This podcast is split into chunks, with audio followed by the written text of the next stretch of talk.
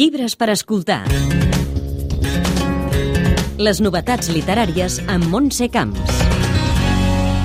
Alba Sabater publica la seva sisena novel·la, Galetes de mel i gingebre, on continua la seva exploració de grans temes com el pas del temps, la mort, l'amor o el sexe. Aquí, però, la seva mirada es dirigeix per primera vegada als joves i adolescents, un món que coneix molt bé perquè és professora de literatura d'un institut.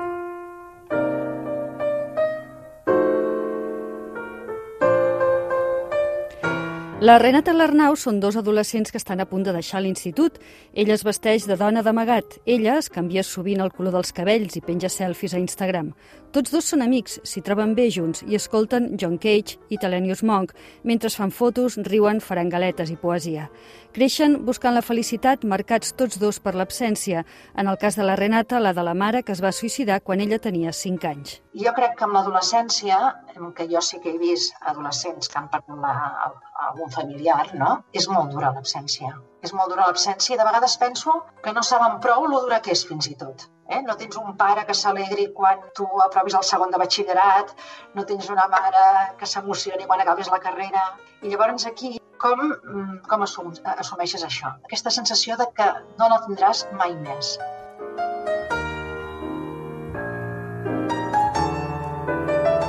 L'adolescència, la joventut, jo crec que com el títol és molt dual. L'adolescència, per una banda, a veure, és, tu vas a una classe, rialles, el riure aquell tonto, eh, l'alegria, el primera vegada que fas un petó... Eh, és tota una obertura al món. Tens temps. Això del temps és molt important, eh? ha tot el temps pel davant. Però, per altra banda, l'adolescència la joventut és una època terrible, també. És una època de dubtes, d'incertesa, no s'agraden. Eh, l'adolescent, si té una cosa clara, és que dubta de tot.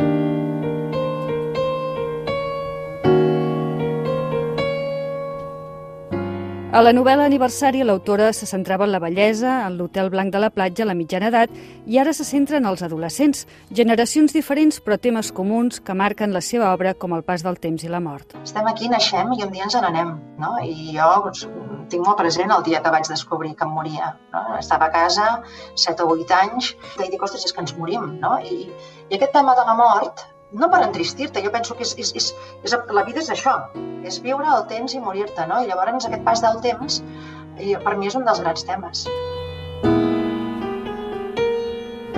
A mi m'agrada escriure sobre la vida, sobre, sobre la vida una mica de cada dia, del que ens va passant, la vida potser minúscula, la vida quotidiana, però que en el fons també és la gran vida, perquè és la vida que vivim tots. Damunt un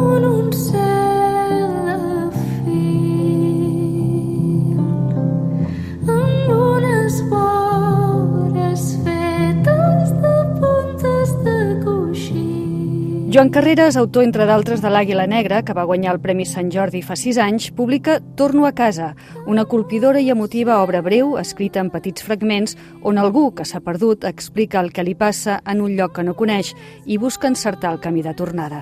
Res millor que escoltar el mateix Carreras llegint un fragment per fer-se càrrec d'aquest llibre poètic i honest.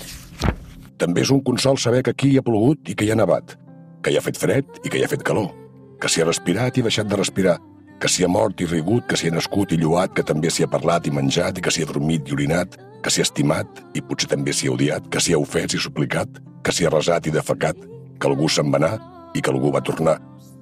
Penso que un dia potser també hi tornaré. I això també em consola. Llibres per escoltar. Les novetats literàries amb Montse Camps.